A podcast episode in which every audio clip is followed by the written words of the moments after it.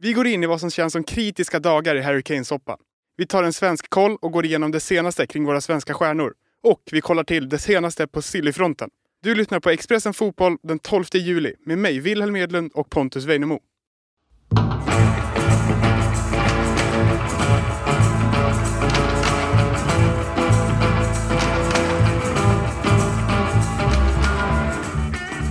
Och när jag säger att vi går in i kritiska Harry Kane-dagar, det är ju verkligen så det känns. För nu ska han tillbaka till Spurs. Ja, exakt. Det börjar träning idag va? Ja, skönt. Bra semester i sådär fyra veckor eller någonting. Han eh, har ju skött sig bättre än vissa andra britter och då tänker jag väl kanske främst på Maguire för två somrar sedan, eller var det förra sommaren? alltså, när han var på uh, Mykonos.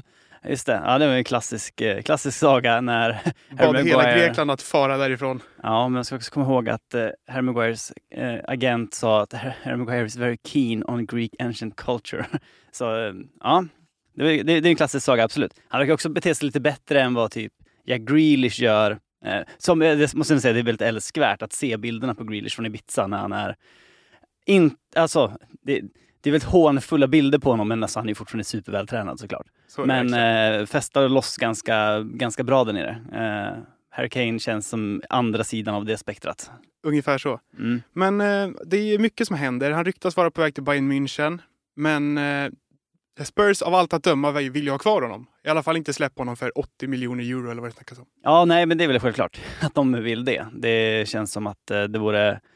Eh, det, han är ju världens kanske näst bästa anfallare eh, och en av världens fem bästa spelare kanske. Eh, han har haft en helt makalös säsong bakom sig. Eh, bara det att det var i skuggan av en viss norrman, men en helt enorm säsong i ett lag som var, hade en väldigt tuff säsong.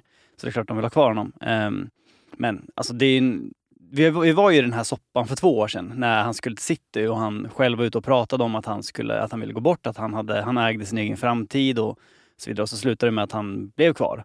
Eh, men nu är det ju lite annorlunda situation. Dels så har ju inte Kane själv varit ute och sagt någonting i det här. Han har ju verkligen legat, eh, ja, men, legat lågt och sen så är det verkligen så att hans kontrakt går ut om ett år. Så om Spurs vill ha pengar för honom, då behöver de ju liksom sälja honom. Så han har lite mer kort på hand den här gången om han verkligen vill lämna. Eh, och dessutom så får man väl ändå säga att lämna för Bayern München är ju, det är ju någonting annat än att lämna för Manchester City med Spurs ögon sett liksom. Verkligen. Och om man kollar ur Bayern Münchens synvinkel då, de försöker samla in pengar nu för att få råd med honom för att han är inte billig. Det snackas om att de vill sälja Sadio Mané som de värvade för, det var förra sommaren va, till och med? Mm.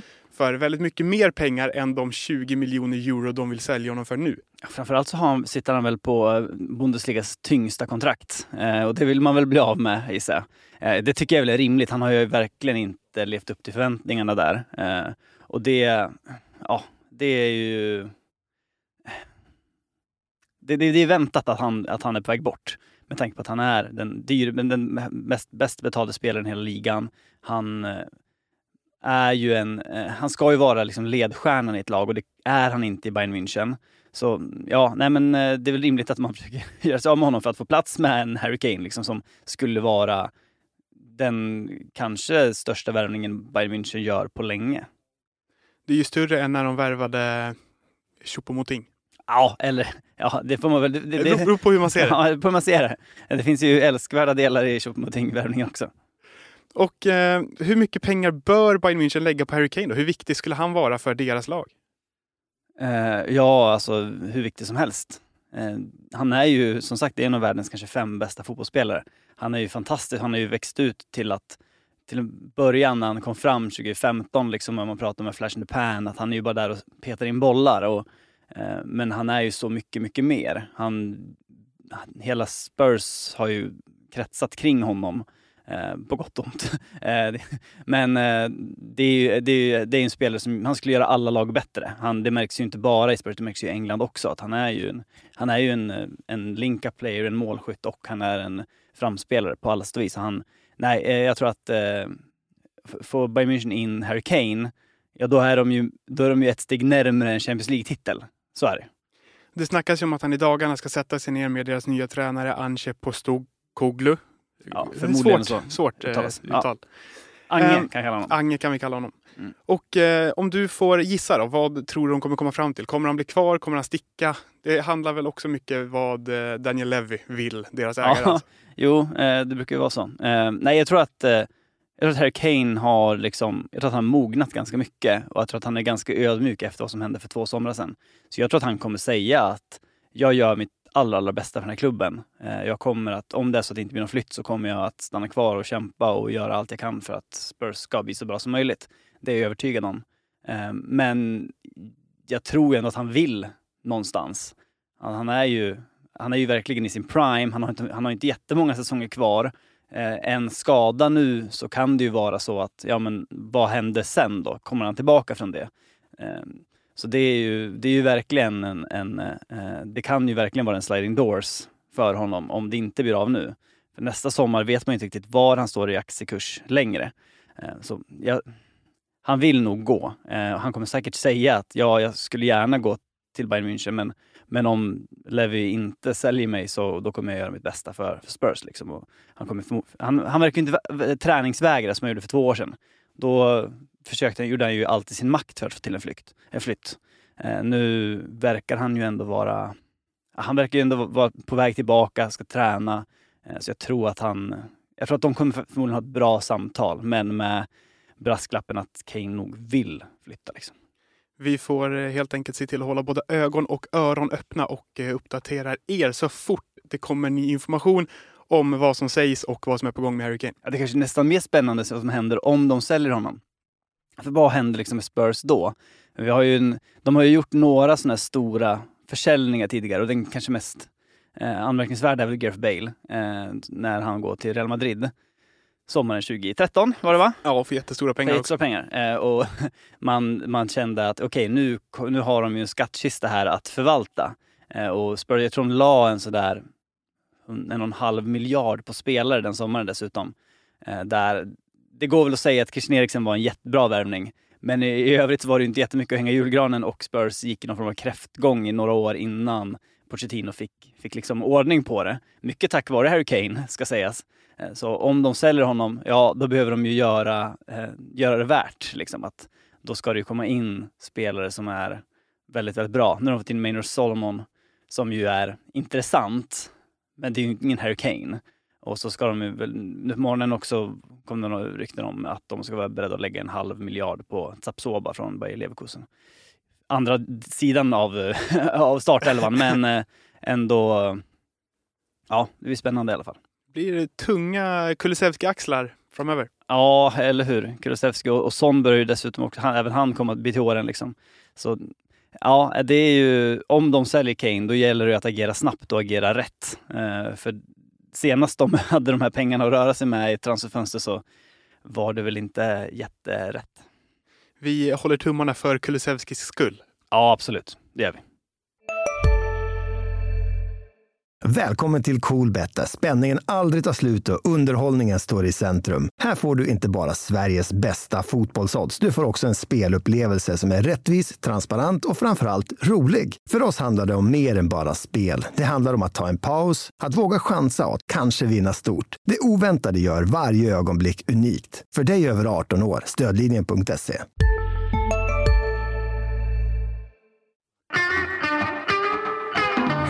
Och eh, från Kulusevski till andra svenskar. Om vi börjar med Anthony Elanga. När vi stod här i fredags, jag och Therese, så var det ganska knäpptyst. Men nu börjar det bubbla kring Everton-rykten. Ja, det här är inte bra för Langas karriär va?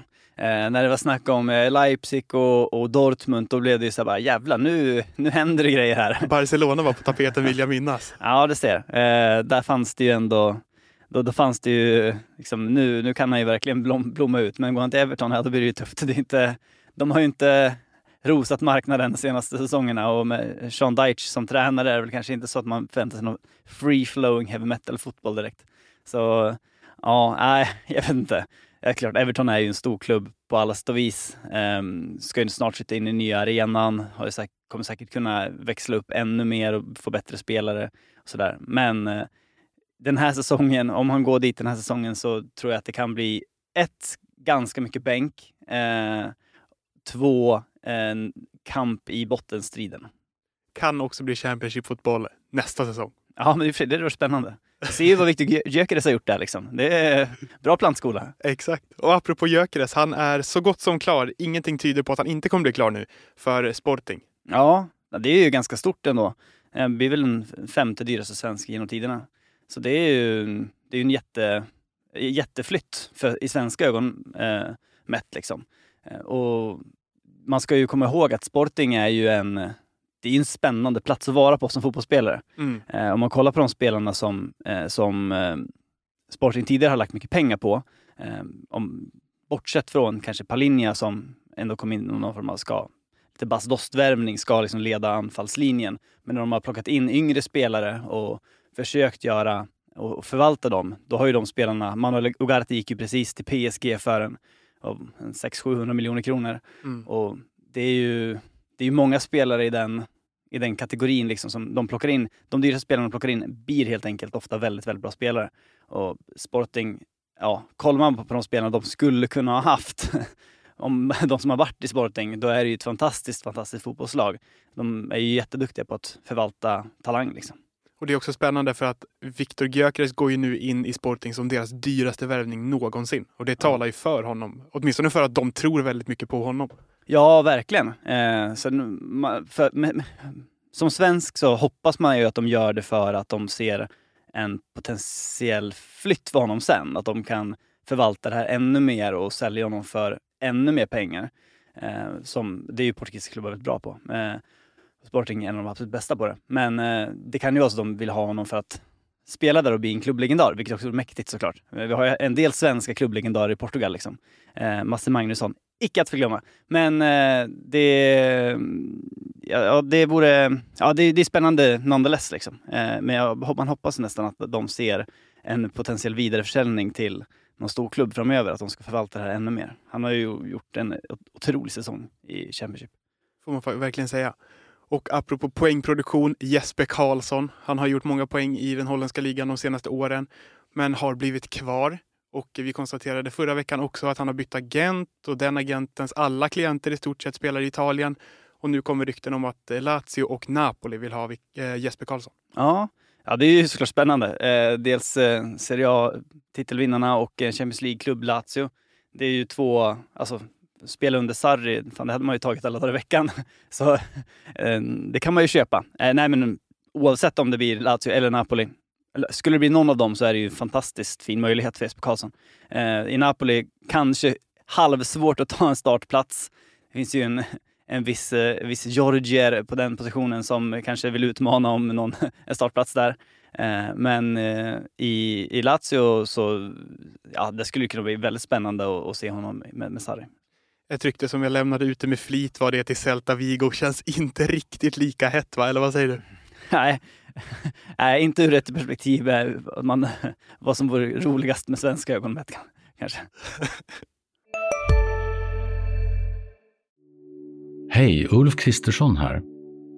På många sätt är det en mörk tid vi lever i. Men nu tar vi ett stort steg för att göra Sverige till en tryggare och säkrare plats. Sverige är nu medlem i Nato. En för alla, alla för en. Har du också valt att bli egen? Då är det viktigt att skaffa en bra företagsförsäkring. Hos oss är alla småföretag stora och inga frågor för små. Swedeas företagsförsäkring är anpassad för mindre företag och täcker även sånt som din hemförsäkring inte täcker. Gå in på swedea.se företag och jämför själv.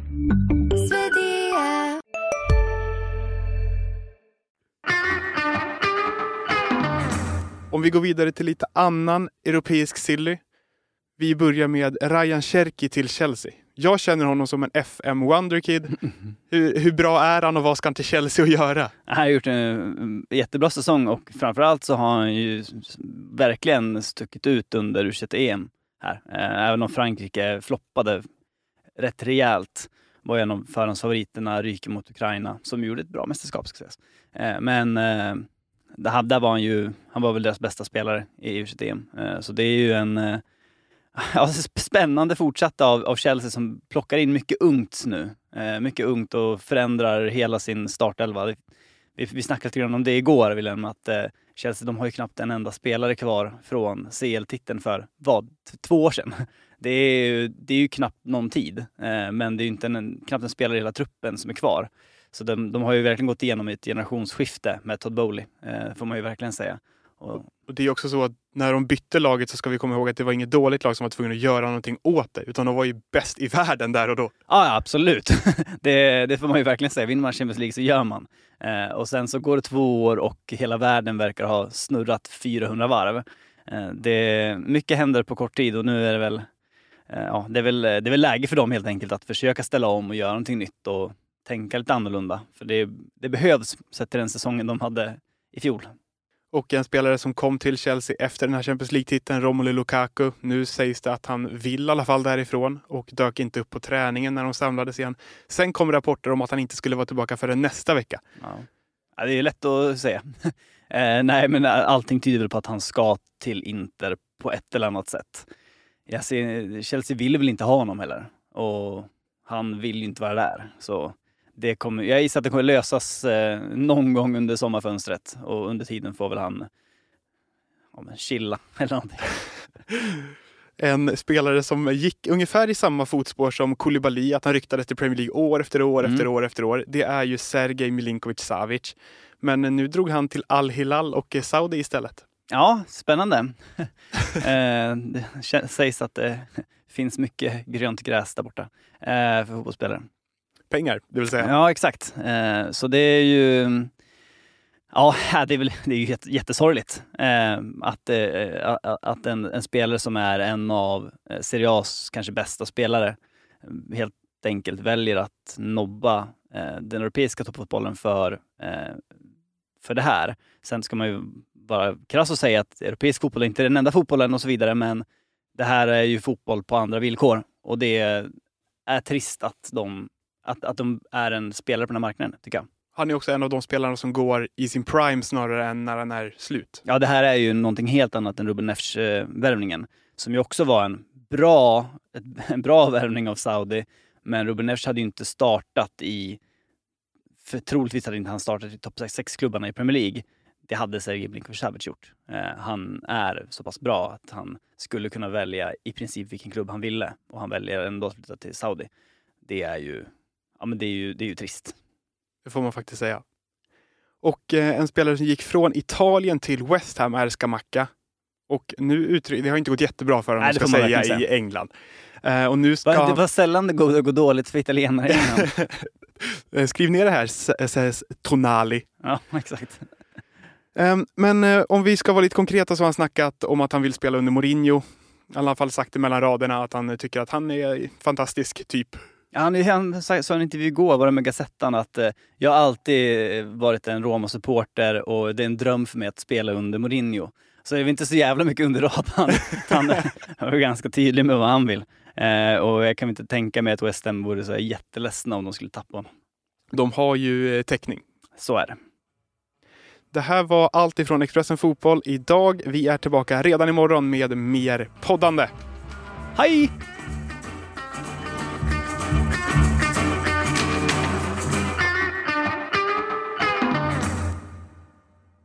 Du har lyssnat på en podcast från Expressen.